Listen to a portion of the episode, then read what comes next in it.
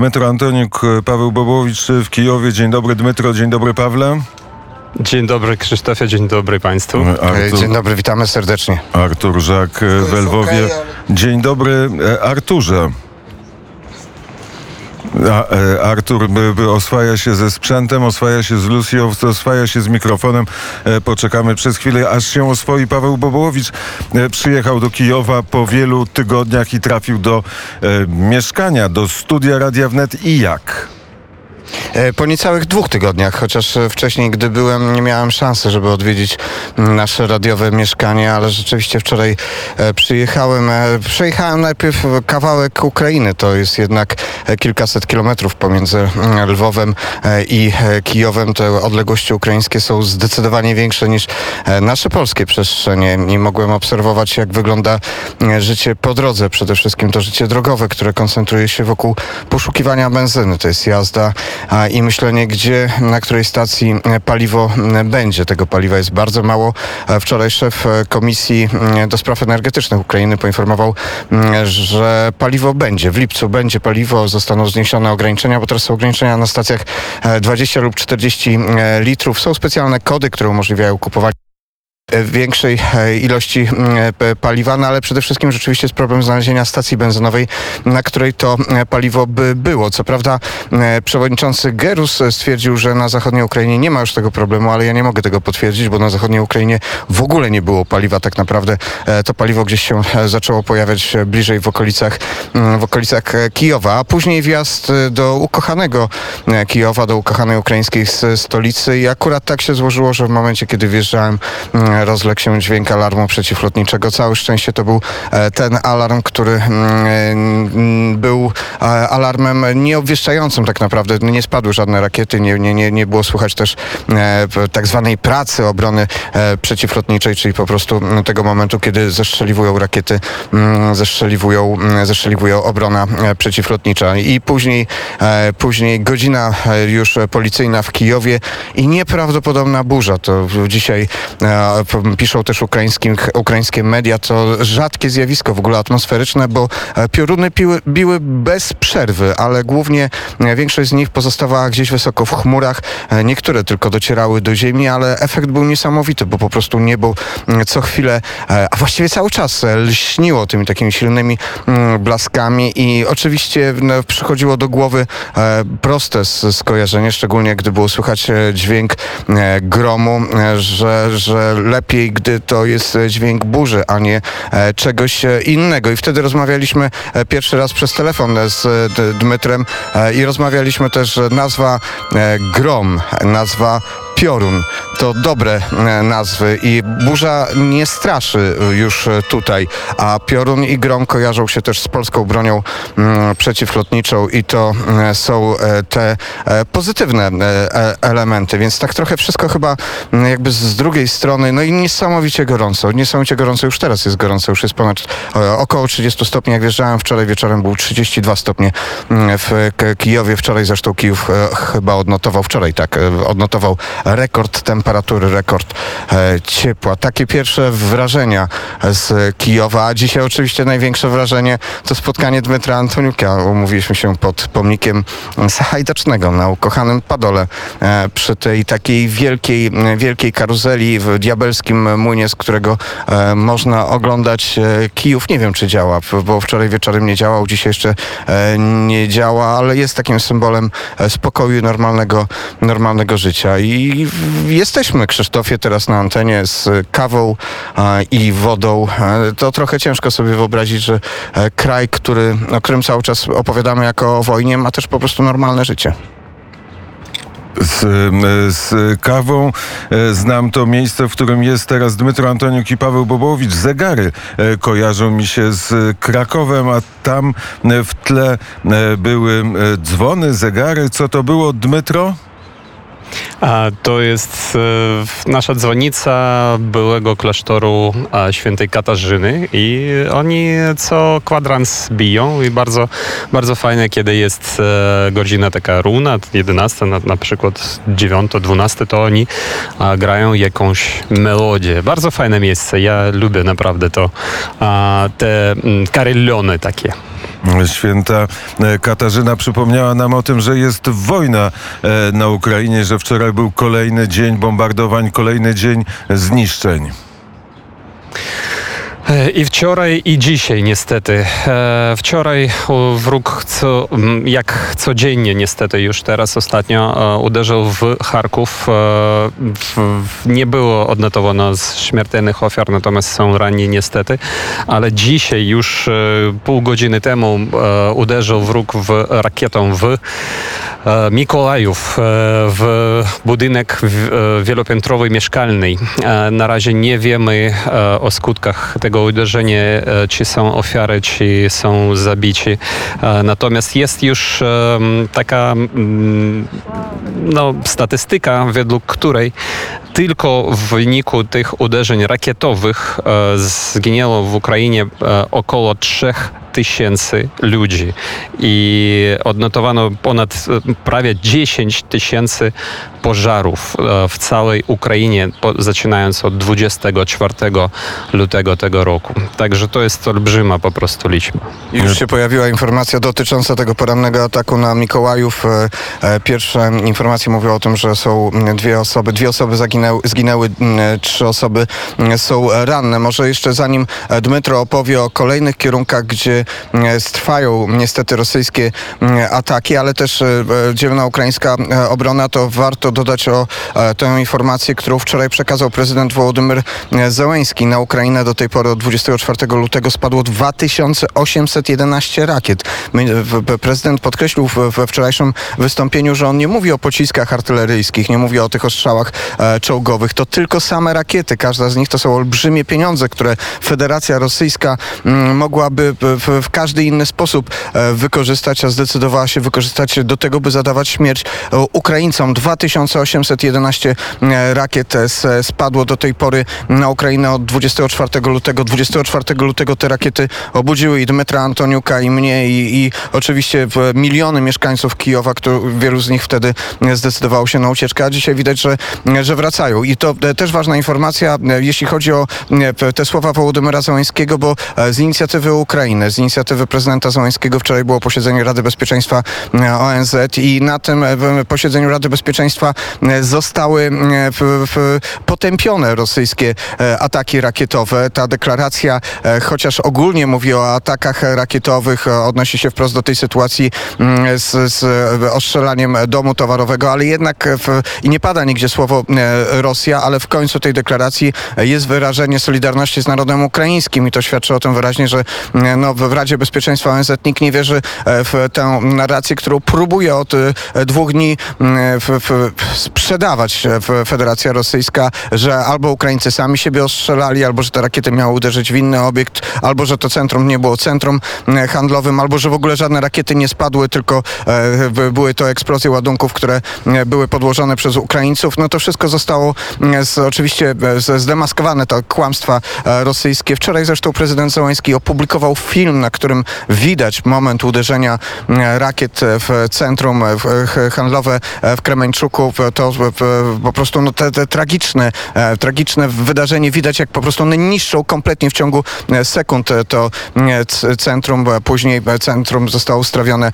przez e, ogień e, pożaru, ale po prostu te osoby, które były w tym momencie uderzenia, rzeczywiście nie, nie miały żadnych szans e, ucieczki. Nie ma w pobliżu e, tego e, centrum żadnych obiektów wojskowych, nawet to, w, w czym już wyspe- wyspecjalizowali się ukraińscy dziennikarze. Ukraińscy dziennikarze poszukują obiektów wojskowych, które były kiedyś w przeszłości niedaleko, bo Rosjanie posługują się jak w tych najgorszych dowcipach o, o, o, ruskich żołnierzach starymi mapami. Rzeczywiście czasami zdarza się tak, że w, w rakiety spadają tam, gdzie kiedyś były w- jakieś obiekty militarne, ale w pobliżu tego centrum nigdy nie było żadnych obiektu, o- obiektów militarnych. No jeszcze, tego- jeszcze dodajmy, e, dodajmy, Dmytro, e, że rakiety spadły wczoraj e, na e, Dnipro. E, Tam e, rozmawialiśmy wczoraj z panem profesorem, mówił dziś e, spokojny dzień dla Dnipro. Też nie był to dzień spokojny. Tam rakieta trafiła w warsztat e, samochodowy. Tam też byli e, ludzie. Był znak zapytania, czy udało im się przeżyć, czy nie. Odpowiedzi na to pytanie. Niestety, nie udało się, bo dzisiaj już od rana mamy informację od e, władz miejscowych, że dwie osoby, e, mężczyzna i kobieta, e, zginęli w wyniku tego, tego rakietowego uderzenia w Dniprze. Zanim opowiemy o, o wojnie, o tym, co dzieje się na frontach, połączymy się z trzecim muszkieterem w dzisiejszym poranku, a może z czwartym muszkieterem, muszkieterem Artur Żak, Lwów. Dzień dobry, Arturze. Dzień dobry Krzysztofie, dzień dobry Pawle, dzień dobry Dmi, d, d, przepraszam. Dmytro. E, dzień no, dobry, Dmytro. E, e, Artur, Artur, Artur Żak walczył ze sprzętem radiowym. E, ta walka nie okazała się zwycięstwa, ale pierwsze koty za płoty, Arturze. Niestety sprzęt nie pokonał. Przy testowaniu było wszystko w porządku. Jeszcze wczoraj na wszelki wypadek sprawdzałem sprzęt, a dzisiaj e, wszystko działa, oprócz tego, że was nie słyszę, więc e, w ten sposób chyba się nie da pracować. Po audycji na pewno się skontaktuję z e, specami od sprzętu i to już są To już są drobne problemy. Powiedz, poranek z Lwowa w poniedziałek, czyli dwa dni temu, wczoraj kolejne opowieści na temat Lwowa, to powiedzmy tylko, co w ciągu ostatnich tych godzin w Lwowie się zdarzyło. Czy były jakieś syreny, czy był jakiś alarm? Czy jest coś, o czym powinniśmy teraz o godzinie 7.23 w poranku wnet 29 czerwca wiedzieć? Całe szczęście w Lwowie za ostatnią dobę nie było alarmów przeciwlotniczych. W Lwowie było spokojnie, nic się nie stało. Jest piękny czerwcowy, letni poranek, tak jak wczoraj był piękny dzień. No niestety, tak jak e, słyszałem z opowieści właśnie kolegów, czy też czytam z doniesień e, prasowych, e, zupełnie inaczej niż w innych, e, na innych terenach Ukrainy, szczególnie właśnie w Dniprze. E, to e, w takim razie, Arturze, e, Dmytro Antoniuk opowie o tym, co dzieje się na ukraińskich frontach. Nadal sytuacja jest ciężka w obwodzie łuchańskim przede wszystkim na Donbasie. Nadal wróg próbuje iść, e, walczyć. Już niestety e, trzeba powiedzieć, że na obrzeżach południowych e, Łysyciańska tam e, toczą się walki. E, tak samo e, toczą się walki na kierunku popasniańskim, kierunku bachmucko-popasniańskim, można tak powiedzieć, od Popasnej do Bachmutu. Wróg próbuje parć na Bachmut, próbuje walczyć pod wsiami, które znajdują się no, około już 7-8 kilometrów od Bachmuta na południowo-wschodnim kierunku od tego miasta. I oczywiście próbuje e, całkowicie zająć e, tą trasę, która prowadzi od Bachmutu do Lysysiańska, chociaż oczywiście zaopatrzenie już tą trasą e, już kilka dni nie przychodzi, bo nie ma takiej możliwości wobec ostrzałów wroga, ale zaopatrzenie przychodzi od kierunku innego do Łysysiańska i mm, no, e, też mówią e, ludziom, cywilom, które jeszcze pozostają w Łysyciańsku, a jest to kilka tysięcy ludzi, żeby oni wyjeżdżali stąd, żeby oni e, jednak ewakuowali się stąd. Nie jest to łatwo, ale próbują po cichu wywozić chociażby pojedynczo tych ludzi z Łysyciańska, bo dwa dni temu niestety, jak powiedziałem wczoraj w poranku, spadła rakieta na Łysyciańsk, kiedy ludzi nabierali po prostu wodą, e, wodę dla siebie i e, osiem e, osób zostało zabitych, wśród nich dzieciaki i 16 rannych. Wróg próbuje iść dalej od Izumu na Słowiańsk. Toczą się walki w, na, na brzegu Sibirskiego Dońca, blisko od miejscowości w Bohorodyczne, które też przychodzi z rąk do rąk. Nie wiadomo, jaka jest tam e, ostateczna sytuacja, komu to, ta miejscowość należy w końcu, ale toczą się tam ciężkie walki. Walki toczą się też na, zach na zachód od Izuma, gdzie wojsko ukraińskie próbuje e, coraz bliżej podchodzić powoli, ale coraz bliżej podchodzić do tego Izumu, żeby jego jednak deokupować. I e, toczą się walki ostatnio kilka dni, ostatnie nich toczą się ciężkie walki na północ i na północny wschód od Charkowa.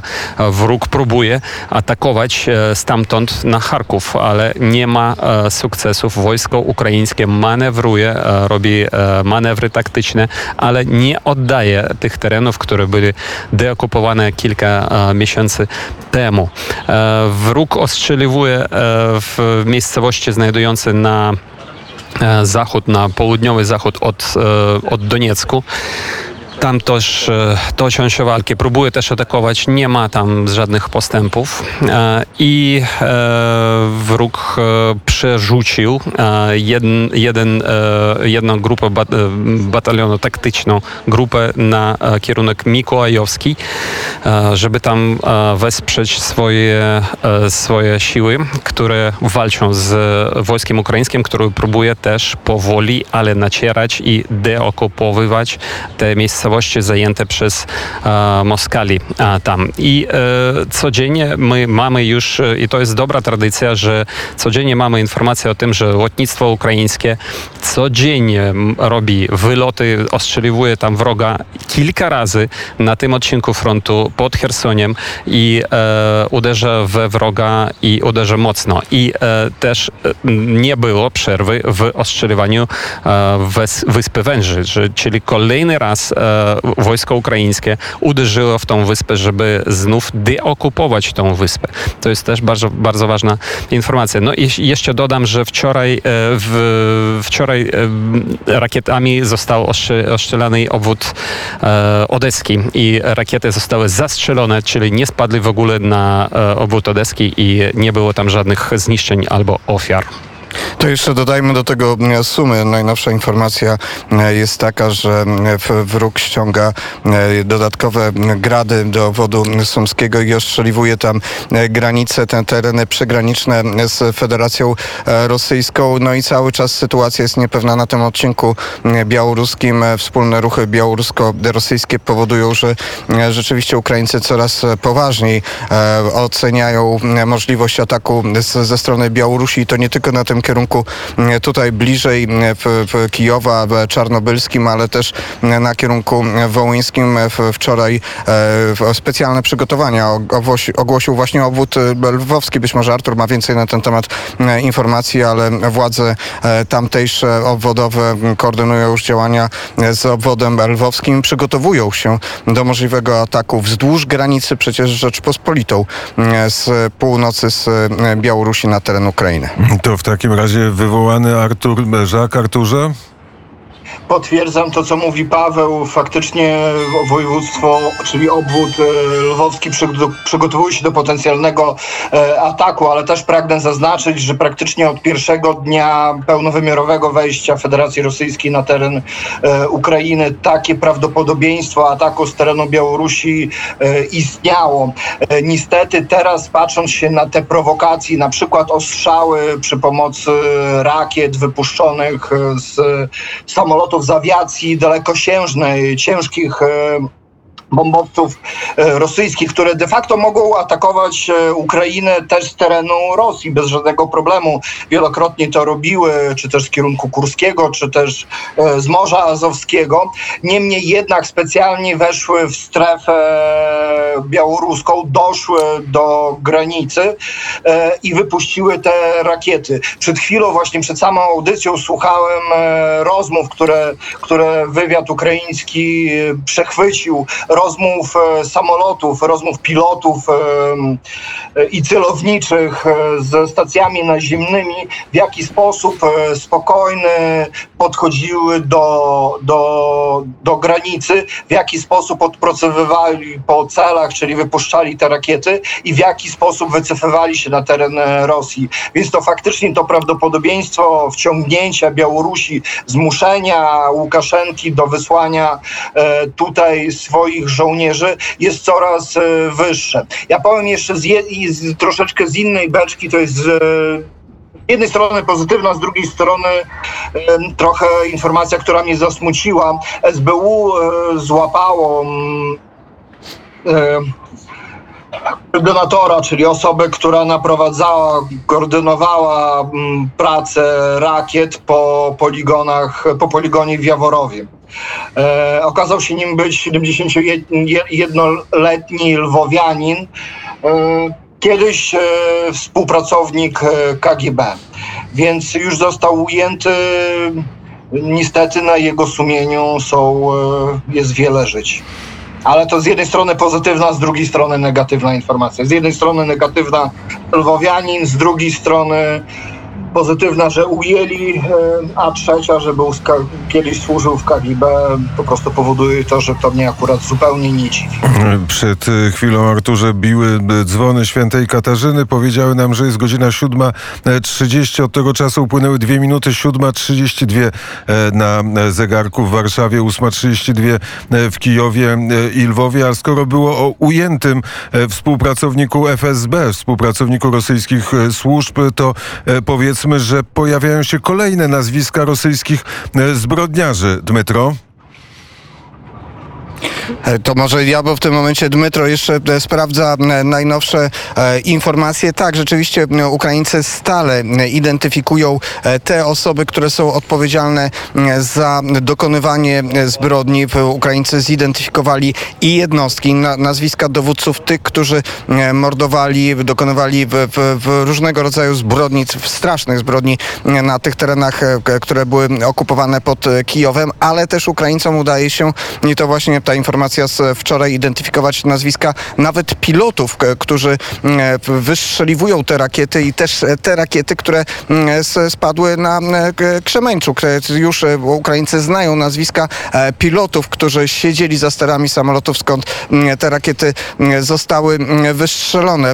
Są publikowane te dane, są informacje też bardzo szczegółowe. Czasami na przykład jest to korespondencja na facebookowa, czy, czy już teraz nie facebookowa raczej, tylko raczej to właśnie w kontakcie i e, odnokłasniki z e, rodzin, bliskich e, tych osób, na podstawie której mm, rozszyfrowują Ukraińcy i dochodzą do tego nazwiska tej osoby, która walczy bezpośrednio mm, na Ukrainie. Co ciekawe, na przykład żony tych pilotów, też tych żołnierzy rosyjskich, zbrodniarzy rosyjskich, którzy tutaj wkroczyli na Ukrainę, one chwalą się swoimi mężami, a czasami z kolei w tych mediach społecznościowych, które funkcjonują na terenie Federacji Rosyjskiej, żalą się, że nie dostają we właściwym czasie m, wynagrodzenia za pracę swoich e, mężów. Takie wszystkie informacje, które gdzieś tam się pojawiają, są bardzo ważnymi m, danymi dla m, ukraińskiego wywiadu, na podstawie których udaje się właśnie rozszyfrować te nazwiska. Jeszcze dodam, że od 24 lutego zostały z, e, zatrzymane, aresztowane faktycznie e, ponad 760 e, osób przez służby bezpieczeństwa Ukrainy oskarżane o e, szpiegowstwo e, na, ku korzyści e, Rosji. Ale może dodajmy też informację z drugiej strony granicy. Ona częściowo mm, jest e, te, też z tym związana, no bo Rosjanie niestety mają w niewoli ukraińskich e, żołnierzy. Do tej pory dochodziło do e, wymian ukraińskich żołnierzy i rosyjskich, którzy trafili do ukraińskiej niewoli, ale najnowsza informacja, szef Komitetu Śledczego Federacji Rosyjskiej Aleksander Bastrykin stwierdził, że nie będzie teraz już wymian rosyjskich żołnierzy na ukraińskich żołnierzy, to znaczy inaczej, nie chcą wypuszczać ukraińskich żołnierzy e, z niewoli. Stwierdził, że e, powiedział takie słowa. "M- Myśleli, że poddamy się i wrócimy e, do ojczyzny. Nie, traficie do aresztów tymczasowych i do więzień. I stwierdził, że w, w, w, jest 2000 ukraińskich, ukraińskich jeńców, którzy trafili wczoraj. No to wczoraj jest takie e, nie do końca określone i nie do końca określa faktyczną liczbę e, jeńców ukraińskich, ale jest to poważny problem, że ci ukraińscy żołnierze, którzy trafili do niewoli, mogą teraz e, nie wrócić na Ukrainę. Ja przypomnę, że w niewoli cały czas przebywają innymi żołnierze z Mariupola, żołnierze, którzy bronili Azowstalu, wypełniając rozkaz głównodowodzącego armią ukraińską walczenia do końca. Część tych żołnierzy tylko udało się pozyskać i wyciągnąć na teren Ukrainy. Z metro. Jeszcze dodam, że w, jednak e, wczoraj została, e, była wymiana jeńców i e, wymieniliśmy w obwodzie mikołajowskim e, sz- e, 17 osób, 16 z nich są żołnierzami wojska ukraińskiego i jedna osoba cywilna, także wymiany były, ale no, ta informacja dzisiejsza od tego Bastrykina jest oczywiście niepokojąca. E, To e, w takim razie myślami na chwilę przenieśmy się do, e, do Madrytu. Tam bardzo istotna informacja o tym, że Finlandia i Szwecja będą w NATO, że Turcja nie postawiła weta, że prezydent Stanów Zjednoczonych Joe Biden nieznanymi nam metodami przekonał prezydenta Turcji do tego, żeby się zgodził na to, że Finlandia i Szwecja będzie w NATO. Czy są jakieś komentarze ze strony ukraińskich mediów, ukraińskich polityków? No można powiedzieć, że to jest informacja numer jeden, bo ona jest na wszystkich portalach e, ukraińskich e, w specjalnym tym takim czcionką, która wskazuje, że to jest najważniejsza e, informacja. Ona została e, od razu podana. Zresztą tak jak te informacje, które śledziły ten e, proces i reakcję Turcji, to było bardzo często omawiane e, na Ukrainie. Wydaje mi się nawet, że w, w, tutaj eksperci o wiele częściej ten fakt komentowali. I co ciekawe, eksperci ukraińscy od dawna mówili, że to nie jest kwestia, że Turcja się nie zgodzi na przyjęcie Finlandii i Szwecji, tylko jest kwestia, jaka to będzie cena po prostu tego i że ten ruch Erdogana to był po prostu ruch polityczny, że e, on zdawał sobie sprawę, że nie, nie, nie jest w stanie w pełni zablokować e, NATO i że to by było czymś, co skończyłoby się dla niego źle, ale jednak spróbował zagrać e, i jakąś stawkę e, tam sobie wymyślił i zapewne e, część z tego udało mu się ugrać, tak jak powiedziałeś, do końca nie wiemy, m, co tam Biden i w jaki sposób go e, przekonał, ale jednak w, w, tak jak, jak, jak w, można było śledzić wypowiedzi właśnie na Ukrainie, to raczej tutaj nikt nie miał wątpliwości, że do tego dojdzie. No nie było pewne, czy uda się to na, na, na szczycie w Madrycie, a wygląda na to, że sprawa została e, przesądzona. Na Ukrainie e, po prostu tutaj e, ludzie się cieszą z rozszerzenia e, NATO. Wczoraj w dniu e, Konstytucji Ukrainy bardzo często e, też e, były odniesienia do e, tego elementu, który przecież w Konstytucji Ukrainy wprost mówi o e, integracji e, euroatlantyckiej. Rozmawiano i e, zastanawiano się, czy Ukraina i kiedy ma e, szansę na to, żeby e, oficjalnie stać się e, tym krajem, o którym zacznie się mówić, że do NATO e, może wstąpić. Wczoraj eksperci ukraińscy mówili, że Ukraina musi poczekać na taką dyskusję do zakończenia wojny. Jeszcze dodam, że już jest informacja o tym, że zostało podpisane memorandum między e, Turcją, Szwecją a Finlandią, e, w którym e, zostało zaznaczone, że Turcja nie przeszkadza temu szlaku e, do NATO dla Szwecji i Finlandii na umowach tego, że razem z tymi e, krajami będą zobowiązani e, walczyć z tak zwanymi organizacjami terrorystycznymi, a też zostanie rozblokowany eksport broni do Turcji. I Tak. Jak Krzysztofie pozwolisz, bo Turcja ma wielkie znaczenie e, dla Ukrainy i tutaj bardzo często jest inaczej oceniana niż na przykład w Polsce, a takim symbolem współpracy ukraińsko-tureckiej jest samolot bezzałogowy Bayraktar, który okazał się po prostu e, doskonałą bronią przeciwko Federacji e, Rosyjskiej. Ukraina żyła, opowiadaliśmy o tym z Arturem w ostatnim czasie, żyła tą akcją zbierania pieniędzy na Bayraktary i udało się Ukraińcom zebrać środki finansowe na trzy Bayraktary, a Turcja stwierdziła, że przekaże te samoloty za darmo i te pieniądze Ukraińcy mogą przekazać na inne cele, ale jednocześnie wczoraj minister obrony e, Oleksiy Reznikow poinformował, że e, Ukraina dokona największego kontraktu, czy, czy zrealizuje największy ko- kontrakt na zakupienie e, Bayraktarów, więc zapewne te trzy Bayraktary to jest po prostu drobny tylko ułamek tego, co jest wykorzystywane i będzie wykorzystywane w przyszłości przez Ukrainę jeszcze metro. I jeszcze dodam, że wczoraj wieczorem e, dostaliśmy informację że, o tym, że publicysta i dziennikarz e, polski Sław, Sławomir e, Sierakowski też e, już u siebie na stronie Facebooku opowiadał o tym, że on teraz robi zrzutkę na Bayraktar, też zbiera pieniądze na Bayraktar dla Ukrainy, czyli teraz była, najpierw była taka sytuacja w, Pol- w Litwie, przepraszam, tam też zbierali na Bayraktar, ze, zebrali pieniądze i Turcja po prostu patrzy patrząc, jak, szyb, jak szybko to zrobiono, było, podarowało te barektary dla tych, którzy zbierali na nią pieniądze. Teraz to samo było z, w przypadku z Sergija Prytuły, ukraińskiego działacza, który też zebrał pieniądze na to. No a teraz próbuje e, nasz kolega e, Sławomir Sierakowski w Polsce zrobić to samo i e, próbuje, on napisał, że planuje zebrać na, na cztery Bajraktary 5 milionów złotych za 30 dni. Także zachęcam oczywiście Państwa do zrzutki. Do zrzutki zachęcamy słuchaczy Radia Wnet i za chwilę będzie zrzutka. To są te rzeczy, o których mówił wczoraj Paweł Bobołowicz i za chwilę, za chwilę je powtórzy, a my jeszcze raz podziękujemy słuchaczom za, za ich aktywność, za ich wsparcie i za to, że mogliśmy dostarczyć samochód, który jest potrzebny żołnierzom na Ukrainie, ale na chwilę wrócę do Szwecji, Szwecji, Finlandii i Turcji. Turcja to też jest bardzo ważne. Ta deklaracja bycia w NATO, bycia jednym z ważnych członków NATO jest też istotna z punktu widzenia tego wszystkiego, co się dzieje nad, na, nad morzem i wokół Morza Czarnego, bo tam sytuacja jest równie napięta jak na granicy polsko-rosyjskiej, polsko-ukraińsko-białoruskiej. Tam też są te wszystkie znaki zapytania, czy wojna nie pójdzie dalej, czy tam nie zacznie się bitwa o wybrzeże Morza Czarnego Ukrainy. No i oczywiście w tym wszystkim jest kwestia ukraińskiego e, zboża. E, Turcja e, pretenduje do takiej roli pośrednika pomiędzy Rosją i Ukrainą. Stworzone jest specjalne ciało zresztą, które ma umożliwiać kontakty po to, by dokonać rozblokowania ukraińskich portów i umożliwić eksport z zboża przez Ukrainę.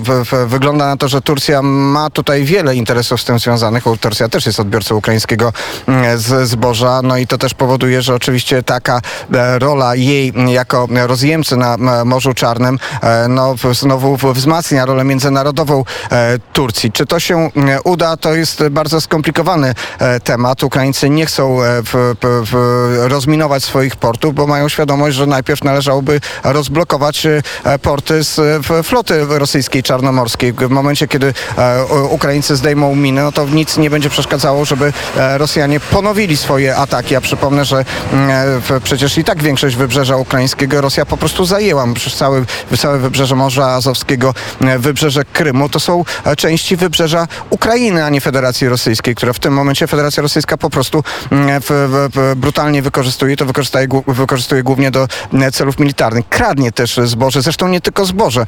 Proszę Państwa, z obwodu hersońskiego, który jest takim, mm, no to jest po prostu zagłębie owocowo-warzywne w, w, w Ukrainy latem, e, gdy się idzie po targach e, Ukrainy, to po prostu szuka się pomidorów e, z owodu hersońskiego. I ciereszeń też. Czereśnie, no to wszystkie owoce, a za chwilę arbuzy.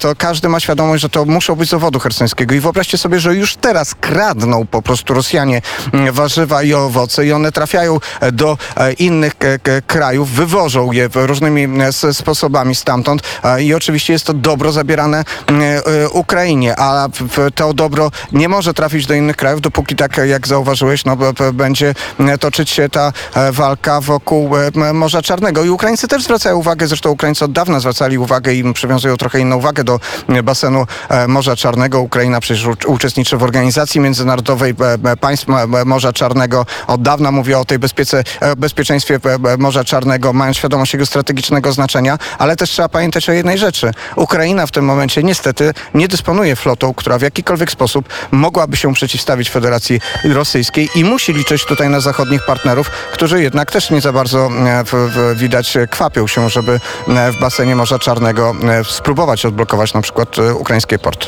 Pawle, dzwony świętej Katarzyny wyznaczają nam rytm dzisiejszego poranka. Jest godzina 7.45 w Warszawie, 8.45 w Kijowie. Dzisiaj 29 czerwca, 126 dzień wojny, drugi dzień szczytu w Madrycie. Dmytro, słyszałem, że chcesz jeszcze coś dopowiedzieć jakieś ostatnie słowo. A, Artur, Arturze. Jed, jedno słówko, akurat e, popieram to, co mówi e, Paweł. Faktycznie bez floty nie da się odblokować e, Morza Czarnego w żaden sposób, dlatego muszą to zrobić sojusznicy. Dopełnię też, że faktycznie Turcja jest bardzo poważnym graczem, bo ona naturalnie traktuje teren Krymu też między innymi jako swoją naturalną strefę, strefę wpływów, o czym bardzo dobrze wie Rosja.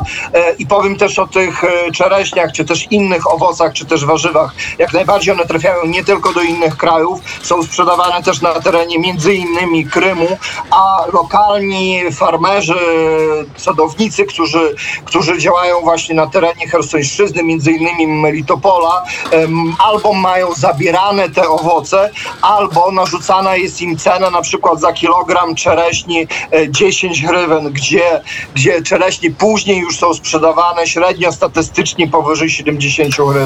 Więc nie tylko zboże, nie tylko owoce, ale też są doniesienia o tym, że Rosja wywozi metal, czyli normalnie złom, czyli często e, tną, to, tną na, na części metalowe, me- metalowe konstrukcje zakładów i wywożą między innymi do Rosji. E, Zresztą to widzieliśmy już w roku 2014, 2015 i późniejszych e, na terenie Donbasu.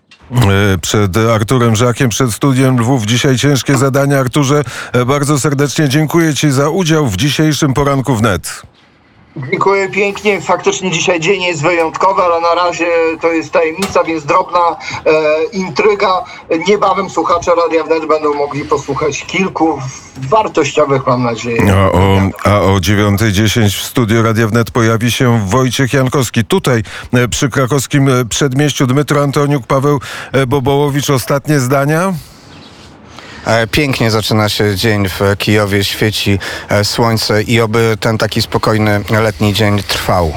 A oby tak naprawdę było i tutaj naprawdę jest, mm, codziennie bym nadawa, nadawał tutaj, bo jest na co tutaj popatrzeć. Słuchając Radia Wnet wypijemy poranną kawę.